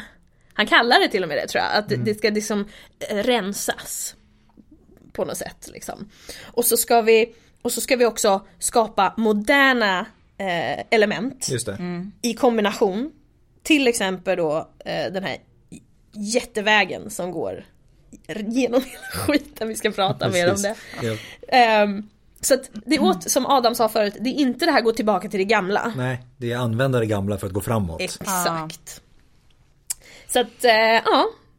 Det här med att om fem år kommer Rom framstå som ett... Just det, precis. Vi är tillbaka, då är vi, Vi tillbaka, tillbaka. där vi började Där. igen. Nu, precis. Ja, yes. Så att, ehm, Exakt. ja. Vi ska prata lite om den fascistiska arkitekturen. Mm. Eller hans förändrande av stadsbilden och vad han faktiskt höll, höll på med. Japp. Och hur mycket av det vi ser i Rom idag, och hur vi ser det, Exakt. är från en fascistisk världssyn. Ja, men ja, typ. It is. Jaha. Det Mussolini gör genom att riva massa byggnader, att gräva fram monument och att bygga fascistiska element. Eh, Det är att han då, han vill koppla bort Italien från det här liberala. Han vill, det ska bort liksom. Eh, och vi ska lyfta det här romerska, hygien, virilitet, erövring, maskulinitet och en tidlös struktur. Det är liksom själva essensen. ja. Vi ska koppla bort och vi ska koppla ihop. Yes. Tillbaks med liksom arvet in i, vad ska man säga, det, det synliga på något sätt. Göra, Exakt. göra arvet synligt. Och just det här tjatet om hygien också. Ja, det det andra är smutsigt. Exakt, exakt. Det är liksom... Mm, mm, mm, mm. Ehm, den här förvandlingen då, då genom att koppla av och koppla på. Det, det är både en materiell och moralisk förvandling. Va? Den, kan, den kan inte... Det här då, det kan inte bara spåras nytt liv i den här heliga jorden och den nya staden byggd på solida stenar, utan andan hos dess invånare är gjuten och konstruerad enligt ett gediget syfte. Alltså fatta! Kan du inte, och snälla när vi klipper det här, kan du inte liksom göra så här, du vet, 90-tal, jag vet så här, eh, ändra så att det blir journalfilmsröst på ljud när du Ja, säger det. Liksom. Kunde du göra det? spåras nytt liv i den heliga jorden. Ingen staden byggd på solida stenar, utan andan hos dess invånare gjuten och konstruerad enligt ett gediget syfte. It's beautiful. Yes. Ehm, och genom att nå detta, då tittar Mussolini lite på en så här futuristisk och, och som du sa förut avskalad eh, stil. Jaha. Så att han, han, han plockar och, och liksom gör lite Precis. som han vill. där. Jag vill ha lite utav det, jag vill ha lite utav det. Och vi ska, det ska inte vara dekadent. Nej, Det ska vara avskalat. precis. Ehm, och, och, och då, det här avskalade då, då fast samtidigt monumentala, det var det som skulle så här, skeppa in dem i, in the, i, i det framtida eh, imperiet. Yes. Och liksom så. Och som sagt, han, han har varit eh, diktator en liten stund. Och bara så här, hmm, propagandapotential i den här romerska arkitekturen. Drar igång en jävla massa arkeologiska utgrävningar. Just det. Ehm, och ja, det, det här är ju liksom Fatta hur mycket det har kostat egentligen. Ja, ja, hjälp ja. Det är, Det är en jävla maskin. det är, kejsar, alltså det är kejserliga fora, det är liksom, vad är det, forum romanum, det är ostia. Eh, ja, det är mausoleet, Augustus Ja, ja, mausoleum. just det. Men vi pratar ju inte bara alltså, arkeologi. Nej, nej. Utan det var ju liksom en hel hård med människor som var arkitekter, arkeologer, stadsplanerare. Och det var ju, som vi har liksom kommit fram till, det var ju inte för att lyfta fram historien på det sättet som vi kanske ser på det idag. Utan det här var ju för att restaurera, omorganisera, för att den här eviga staden då skulle kunna beskådas i, på ett sätt som den förtjänar att beskådas, så att säga. Absolut. Det skulle liksom bli, de- den skulle bli modern Mm. med sin antika historia. Verkligen. Ja. Gud ja. Ett exempel då. För att gräva ut eh, de här fora då, alltså de här, vad heter det? Kejsarfora. Kejsarfora, fora, Augustus forum, Julius Caesars forum, Ja. Trajanus forum. ja. Eh, och forum betyder Eh, mötesplats, samlingsplats, ja. Ja. ja. torg typ. Marknad. Ja. Eh, och bland annat då för att komma åt kejserliga fora, för att Mm. alltså, allting ligger ju under mark, eller längre ner liksom. Det har byggts på och, och så här. Så man rev alltså tre kyrkor, Mm. elva gator och en kulle med så här renässansvillor. För att gräva ut där, och trädgårdar dessutom. Alltså det, man har tappat sjukt mycket av det medeltida Rom, Mm. bland annat, och renässansrom. Eh, Lite som eh, Aten. Ja, Akropolisklippan. ja, Ja, ja. Man bara rev bort hela det turkiska. Och hela det hellenistiska. Och sen bara klassiskt, Ja, här precis. stoppar ner, vi. ner till klippan. Ja men ner till Ja, klippan. det är- Ja, ja, det ja. är jätte, ja. Så att, eh, ja. ja han, han var ute efter något helt enkelt. Ja, det, är- det är ju en, typ en rensning. Och det är återigen man pratar om det här, det sjukdomsdrabbade så här. Just det, bort, bort, Slummen, med, liksom. bort med cancersvulsten. Men fram lite så. Ja, typ lite. Ja, gud ja. Det är så här, infekterade gränder, slemmiga Just det, liksom. exakt. exakt. Vi river allt och här Ja. har ni ruinerna istället. Ja, ja, ja, ja. Ja. Men återigen, det blir som en, en blank canvas. Jo. Han kan bygga upp sin egen bild. Eller den bild som han vill att alla andra ska se. Precis. Ja, men verkligen, för att det är mycket ritual i det här. Det är klart. Det, det är liksom inte bara, åh vad fint. När det är liksom, vad ska man säga, det här fysiska återkopplingen med det antika arvet på något sätt. Att man gräver sig ner till det gamla. Det, Till och det är liksom- också mycket mer in your face. Ja, är För det. även om du pratar om historien och det, det retoriska Mm. delen så ser ju folk. Exakt. Man kan titta ner på sakerna. Och, Exakt. eller Och- titta upp på sakerna beroende på Ja. vad man tittar på. Ja. Alltså de är väldigt tydliga. Ja, det är Ja. de. Det, det är som att bli slagen i ansiktet. liksom. typ. Och det som skulle vara centrum, det var Piazza Venezia. Mm. Det var liksom fascistiska Roms huvud... Det var centrum. Fokus. Yes. Och Sen kommer vi till nu kommer vi. Via dei Fori Imperiali. Nu är det, händer det. För att när man har grävt ut de här kejserliga fora då, Mm. så täcker Mussolini över två tredjedelar av de här lämningarna. Mm. Eh, under den här jättebreda, 30 meter breda asfaltsvägen som han bara smäller upp mitt i alltihopa. Via del Imperio som idag heter Via dei Fori Imperiali. Mhm. Och den här gatan, det är ju, den har man säkert sett om man har varit i Rom. Den är ganska svår att missa. Mm. Ja. Eh, för den förbinder Colosseum, som är ju det här liksom det stora monu- alltså monumenternas monument i Rom. Liksom. Ja. Eh, med Piazza Venezia. Så att det går verkligen bara smack, boom, rakt igenom Roms hjärta. Liksom. Det är så jävla... Ehm, och, Nej, det, ja, och det är ju i och med att också det är vid Piazza Venezia som Mussolini har sitt högkvarter så kopplar han ju samman sig själv Mm. väldigt tydligt med det antika Rom bara liksom. Han kan sitta där i ena änden av vägen och Colosseum i andra änden av vägen. Så att, Och, och idén så här, du ska kunna köra och det är modernt. Exakt, och det är också det blir en perfekt, du vet den här en paradväg Mm. liksom. För man går liksom och så har man alla vyn, är- vyn, vyn, vyn är liksom ett Colosseum i bakgrunden och såna här saker. Mm. Ja, att det man firade ju tio år eh, marschen mot Rom genom att gå där. Precis, i oktober Eh. 1932. Ja. Och det, det säger ju också väldigt mycket om det här som, som Angelica sa, det här med att han sket ju i eh, historien för historiens skull. Ja, ja. Du smäller ju inte upp en väg Över två tredjedelar. över två ja. tredjedelar av utgrävningar, Ja, ja, eller så här, delar dem i tu, Ja, om du hade brytt dig. nej men precis, exakt. Eh, Men det, på ett sätt är det ju liksom så här. Det ultimata, är det inte det? Så Jo. det här är antiken och nu går vi över, alltså. Ja men det är det. Här, vi vi Ja. går som en, det, blir som en bro Ja. över Ja. det han precis har grävt Alltså, ut. Och så har vi Colosseum som vi går mot där borta. Så att, Ja. ja. det, eller, ja, det är ju så, fan, det är ju såklart. Ja. Och det är ju, vad ska vi säga, det är som just kejsarfora som drabbas. Det är ju Trajanus forum, det är Augustus forum ehm, och Caesars forum. Och sen också Nerva och Vespasianus forum. Mm. Ehm, Gud vad många forum de hade. det är ju det. Ja. Tänk dig liksom vara romare lite senare och bara, ah, men vi träffas på forum och så står man där på, på Vespasianus forum och bara, är hon? Jag kan inte direkt ta upp telefonen heller. Skriva Jag är på, fel forum! precis. Skicka sin Två. slav. Ja, det var typ. Ja. Skriva på Quo-app.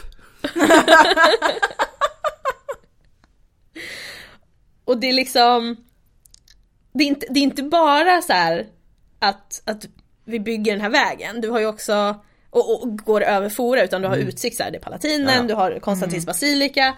Sen har du dessutom smällde de upp bronsstatyer av de, de kända romerska kejsarna.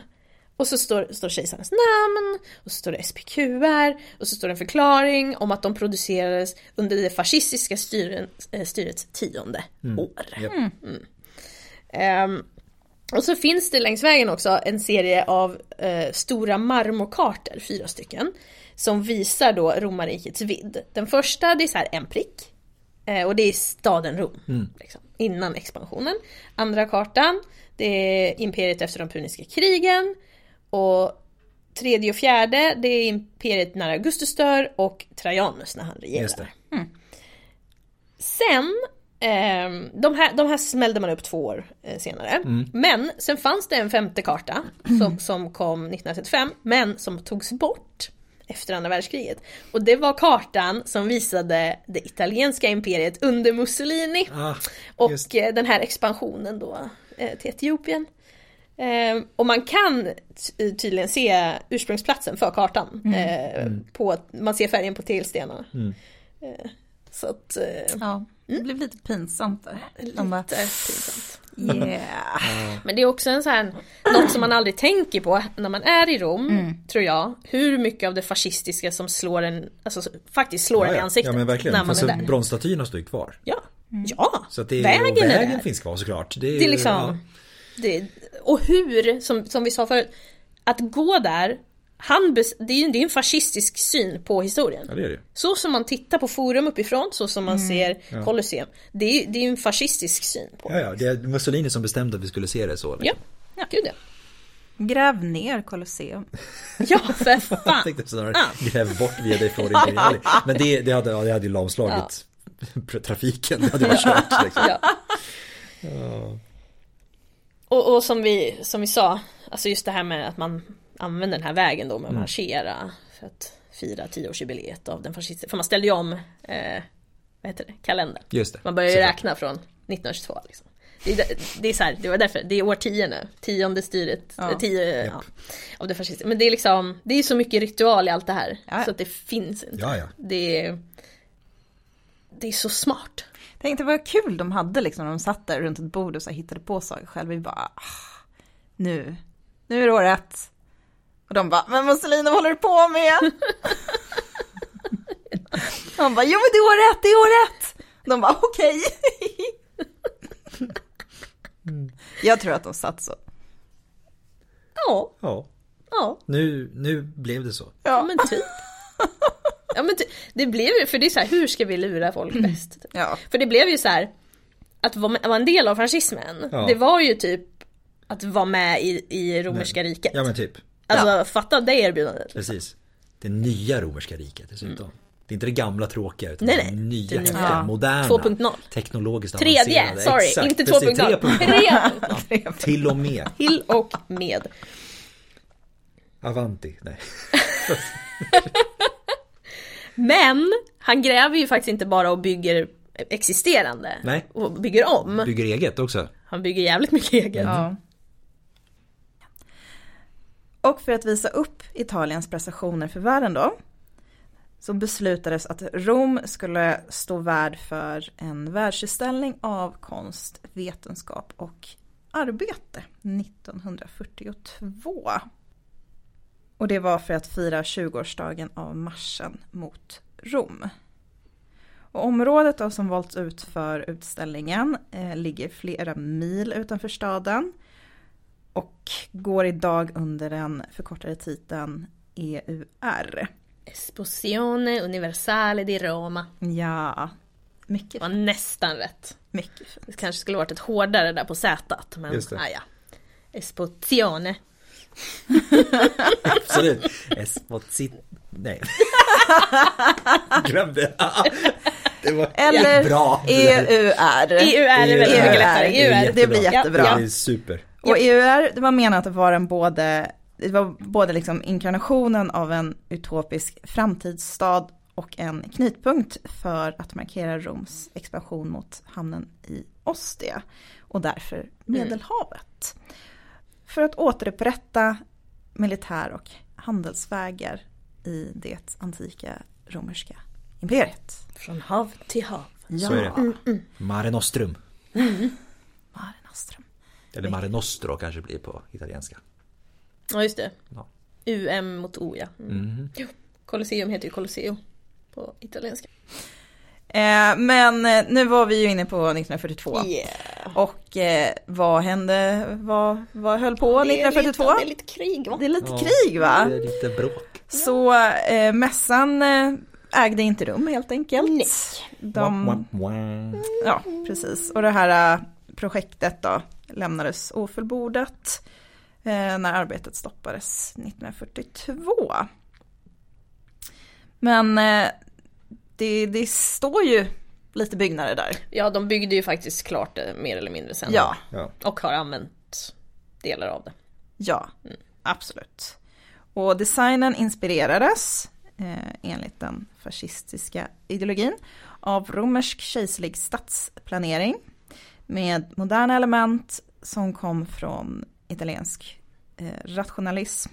Och det var liksom, resultatet blev en sorts förenklad nyklassicism. Eller fult som fan. Det är, det är väldigt speciellt. Det är så jäkla Det- vidrigt. Ja, Det är väldigt, sterilt. det är väldigt sterilt. Det känns som att det liksom inte riktigt, du vet, alltså all textur har liksom inte laddat in i, i maskinen. men det är lite liksom. så. Det är väldigt, Det väldigt är lite märkligt. så. Men det- för det är också så massivt. Det är liksom. massivt, det är raka kanter, det är svårt att Det är beskriva. bara kalt. Ja, det är jättesvårt Men att det beskriva. är, jag skulle inte säga ful, alltså jag skulle säga, det är mer, det är ju, besök det gärna, alltså det är fascinerande att se. Det är hårt och kantigt. Det är väl det kanske Det- vad man associerar det Ja. med. Liksom. Ja. Det är liksom, det är väldigt speciellt. Det är Men det är just det där, det är ju vitt. Och marmor. Ja, precis. Och så den här kalkstenen och tuffen som blir lite gråaktig Ja. liksom. Det är väldigt... Och där har man ju verkligen missat målet. Det var Ja, inte vitt under antiken. Men det här, det var ju någonting som just material förknippade just ju med så här traditionell romersk arkitektur. Ja, men visst. De, de glömde målat. Ja, typ. men det är så det känns. Det, känns, det är verkligen Ja. så det känns. Ja. Det, det är liksom, de har, bara, de har spacklat och så lämnar de det där liksom. Ja. Den mest kända byggnaden i EUR är väl kanske den som kallas för den här, det fyrkantiga Colosseum. Eller Colosseo Quadrato. Den heter ju egentligen Palazzo della Civiltà Italiana. Byggdes mellan 1938 och 1943. Och det är ju liksom, det är det här liksom, du vet, från Colosseum det här repetitiva mönstret med valvbågar. Fast tänk dig som i en stor låda istället. Hög låda. Ehm, väldigt speciellt. Man, man känner nog igen den när man ser den definitivt tror jag. Men Ehm, den är lite cool. den är lite cool. Den är Ja. lite spacad på något Ja. sätt. Just det här liksom raka kanterna och valven är väldigt speciellt. Har också använts av Silvio Berlusconi i valkampanj. Mm, härligt. Eh, I kampanj, rag- eh, kampanjfilmer och sådana saker. Ja. Ja. Ehm, ja.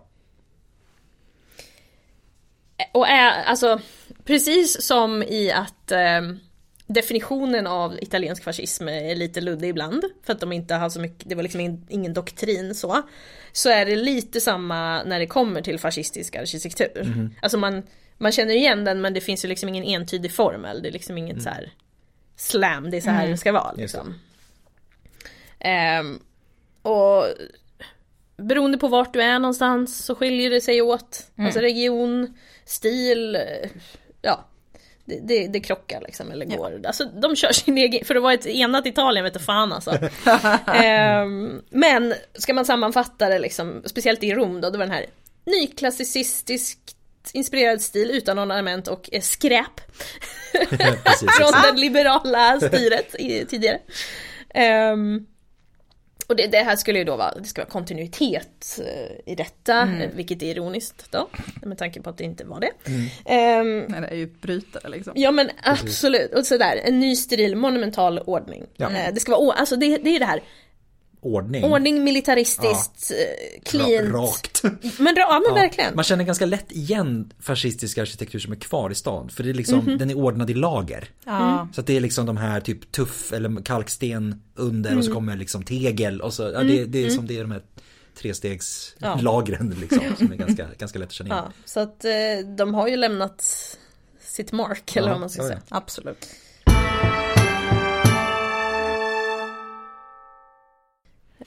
Oavsett, alltså nu sitter vi ju och snackar mycket skit om, vilket skit ska skit ha, absolut. Men att vi kan ju faktiskt tacka Mussolini för mycket. Just bevarandet av de här byggnaderna. Ja, vi vet fan inte hur det hade sett ut annars. Nej. Man får Helt ta, ärligt. Det är lite hårt att säga men Ja. lite så här collateral damage Ja, är väl kanske Ja, i så fall att föredra i vissa fall. i vissa fall. Ehm, tråkigt på bekostnad av medeltidsstaden och Ja renässans. absolut och sen också på bekostnad av de antika ruinerna själva när han smäller Ja. upp vägen bland annat. Och Europa. Exakt, men Men vi kanske inte skulle ha haft lika mycket kvar annars. nej.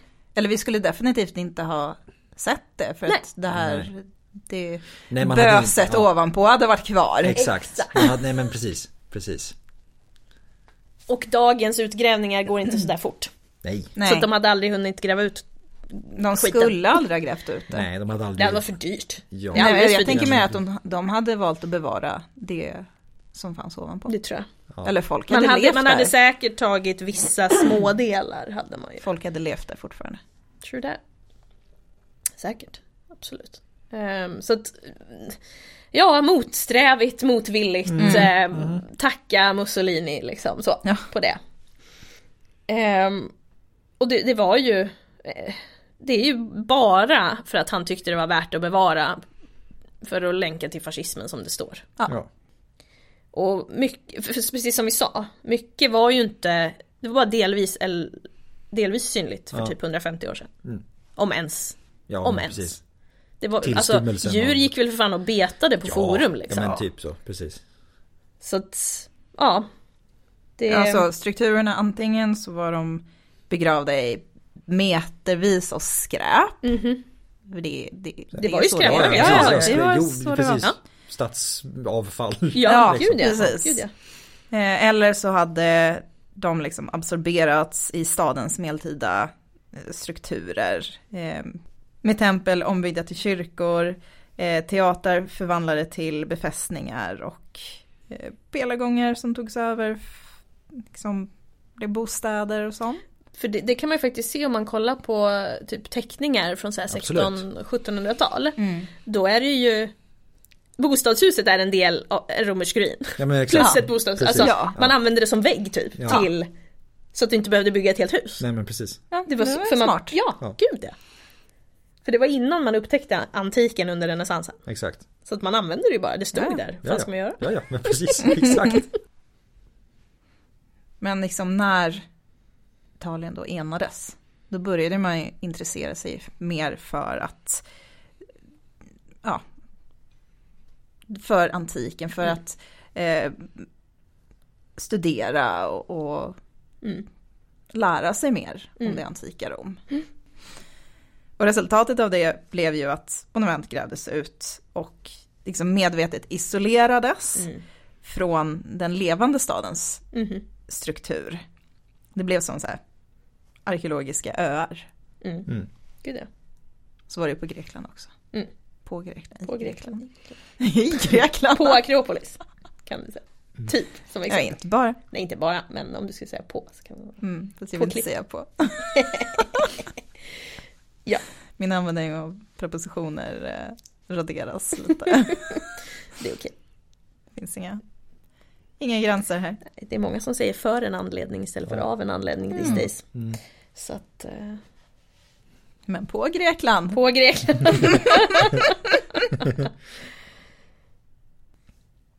Och sen kommer då Mussolini och fascisterna och tar den här praxisen till sin extrem.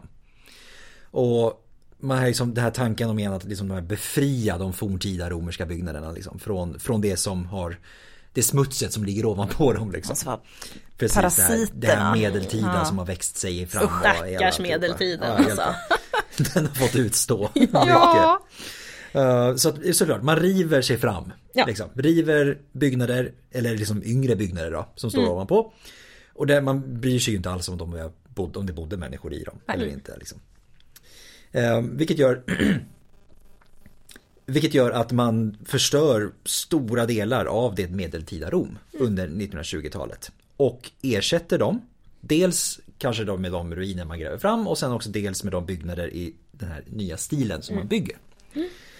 Så att det är igen, bort med det här mellantida smutset och Ja. fram med dels det nya och det gamla. Ja. Ehm, och dels så var de här röjningarna ett försök att ta itu med det här, alltså de, ska vi säga, de problem som börjar drabba den här mer moderniserade staden med trafikstockningar och de här ohälsosamma bostadsförhållanden liksom. Så att det är, Också en fin ursäkt. det är lite fin ursäkt som sagt. Um, det, ursäkter kanske är som sagt ingenting egentligen. Men det, ja. Ehm, och de, det blir de här flerfiliga vägarna istället som ersätter lite grann. Och de skär genom, rakt genom stadsdelar. Vilket innebär att fler tvingas alltså, bli vräkta. På grund av Ja. det också. För att man ska utveckla stads, eller vad ska man säga, vägnätet i stan helt enkelt. Komma närmare de här mer moderna europeiska storstäderna som typ Paris och London. Liksom. Ehm, Men de här arkeologiska lämningarna då som man gräver fram är de här, de här arkeologiska fönstren liksom. De blir ju som skyltfönster. för fascismen i det här. Och det här kan ju ses kanske som exempel just med eh, Piazza Augusto Imperatore. Eh, där som liksom omger Augustus mausoleum. uppe Där i- rensade man 10 000 kvadratmeter. Typ. Ja. Det är uppe liksom i norra delen av det antika Rom. Liksom.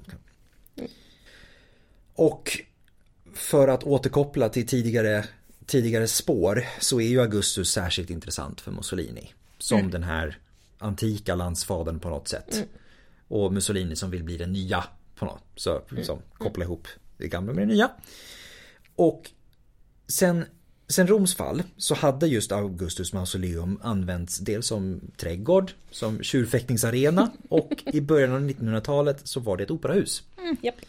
Ehm, och när då Mussolini drar till, skrider till verket 1934 så börjar man jobba med att riva ut det här operahuset och att då liksom blottlägga det här gamla eh, original tegelskalet eh, på den här eh, på Augustus mausoleum då.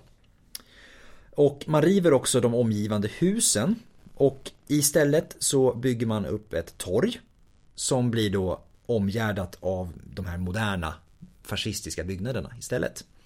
Och det som vi var inne på lite grann förut, det är de här byggnaderna i lager. Liksom. Det, är, det är tegel, det är travertin, kalksten, marmor. Eh, som man pryder med väggmålningar och inskriptioner som liksom uttryckligen kopplar de här nya byggnaderna till det antika Rom. Mm. och det formade, just den här liksom om, omkonstru, omkonstruktionen av huvudstaden liksom, formar hur många av Roms antika monument upplevs idag. Och just de här spåren av den fascistiska inblandningen i utgrävningarna finns ju liksom överallt. Och nu har vi pratat lite om de här äh, kejserliggarna, Fora, eh, x antal stycken.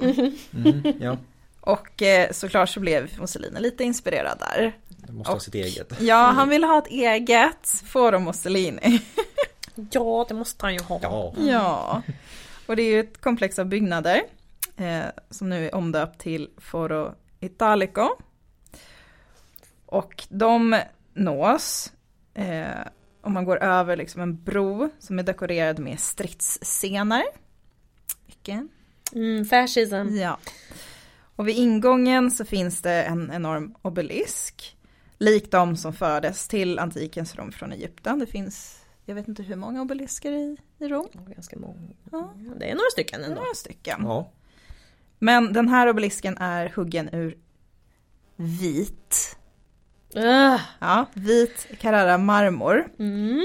Och med Mussolini Dux i stora bokstäver längs sidan. Så, jag såg en bild på den idag, den är asful.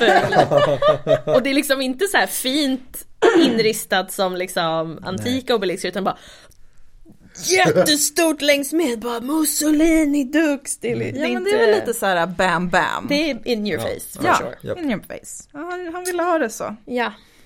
Och utöver det så står det klassiska statyer som representerar olika sporter och regioner i Italien runt eh, en friidrottsbana.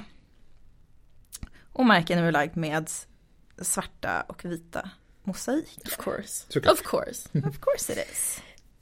Och det här används idag som nationellt center för GANI. Alltså C-O-N-I. Inte Conny utan Nej, inte Conny.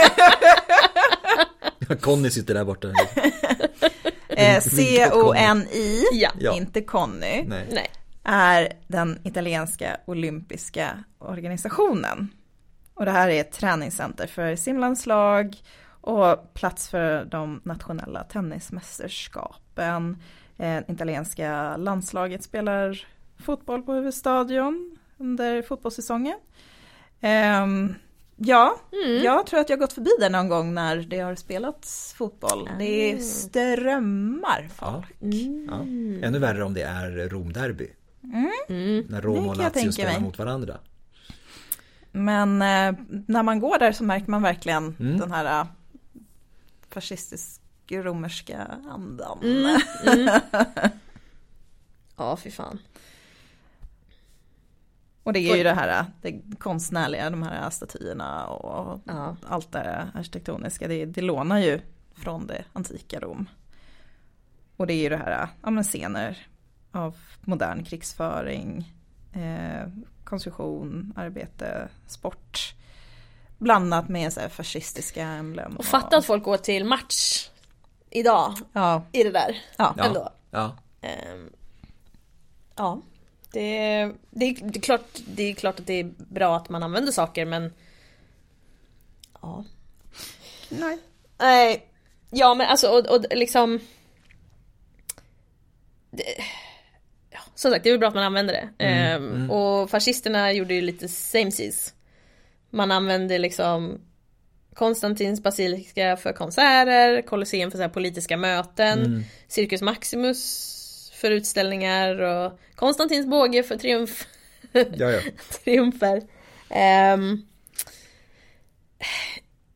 ja, det, det är liksom många av de här byggnaderna som de konstruerade, Ja. fascisterna, det var ju Ja. faktiskt eh, i termer, man tänker i termer av hur, vilka typer av fascistiska evenemang kan vi hålla här? Just det. Det är liksom Parad på Via de For Imperiali och, exakt, exakt. och så vidare och så vidare. Ja. Och, och som sagt, om vi ska försöka knyta upp säcken lite vad gäller just utgrävningarna. Så är det ju så här. Sättet, att- alltså det här med de här storskaliga utgrävningarna, det var inte jättepoppis på den här tiden. Nej. Dels kan man ju tänka det ekonomiska läget. Ja. Men, men absolut. liksom Så på ett sätt, så, ja han uppmuntrar liksom historisk utforskning, där, där, Mm. eh, Men det var ju verkligen bara Han lyfter det han vill Ja, att folk ska se. Han brydde sig egentligen inte om det, om man säger så. Men han hade ett mål Det- helt Ja, enkelt. ja. Ja. Det, och det grävs precis. ju fram på ett sätt så att överhögheten av det romerska imperiet ska visa sig. Det är liksom Exakt. inget mänskligt i det. Nej, nej, nej. Överhuvudtaget.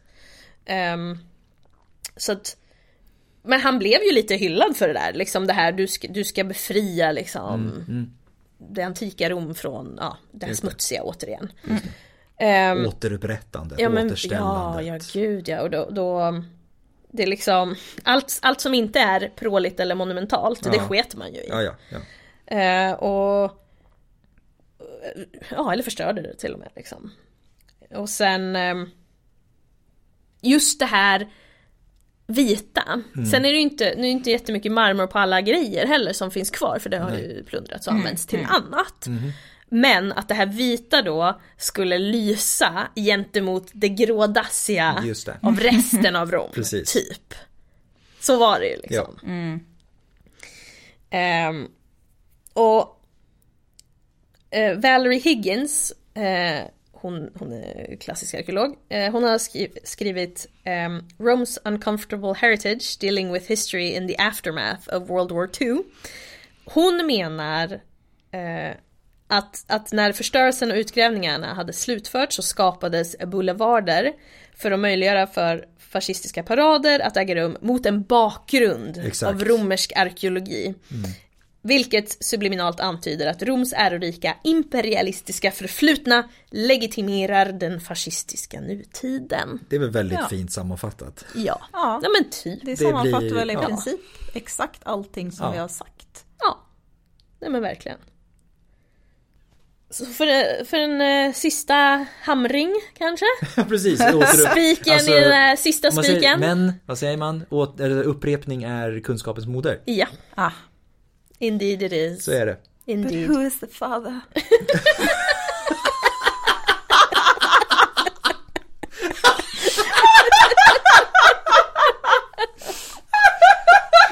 Du vet Jerry Springer framför mig, jag sitter där, Repetitio sitter och väntar på You are not the father! Mussolini bara Woo! Oh my god.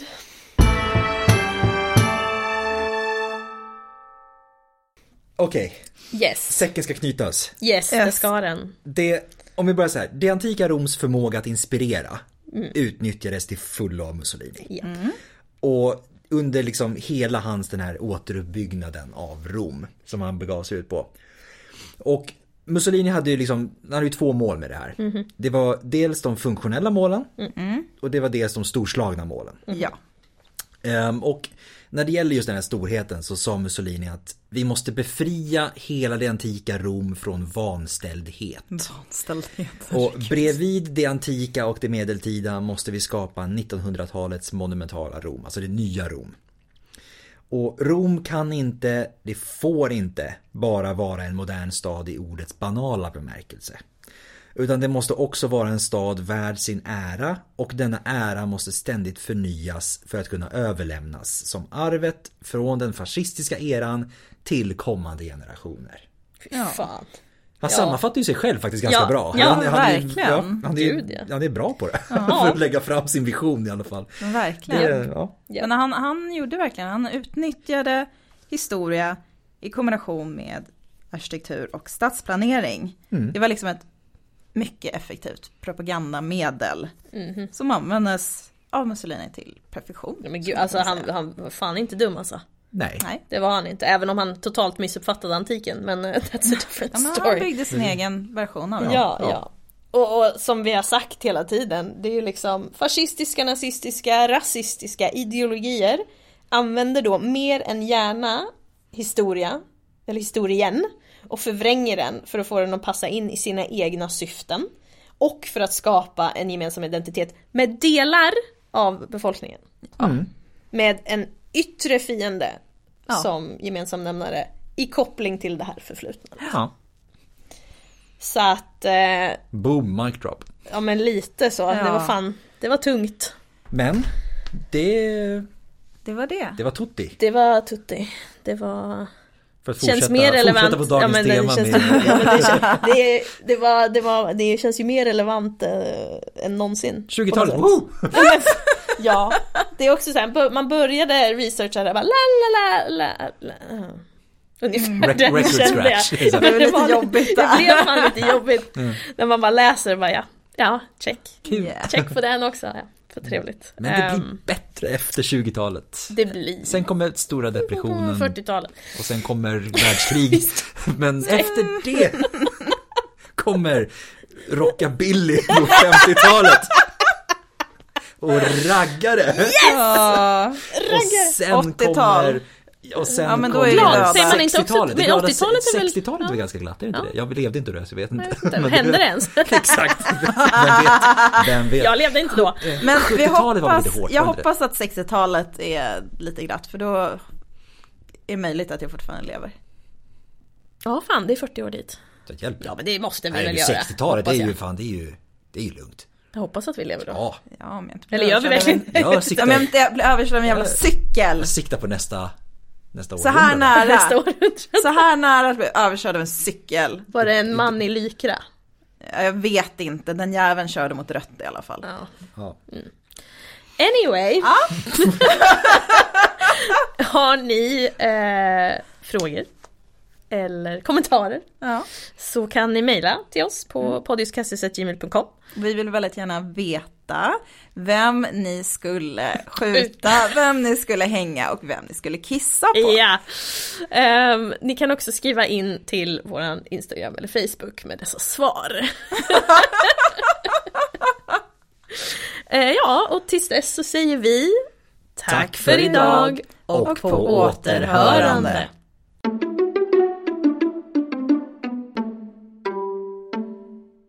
Men... He's a father. Was a Political Random meddelande. His mother was a Catholic. Jag tror du ska säga his mother was a cunt. Det andra C-ordet. Det, det, Ett av de två C-orden. precis. Catholic and cunt.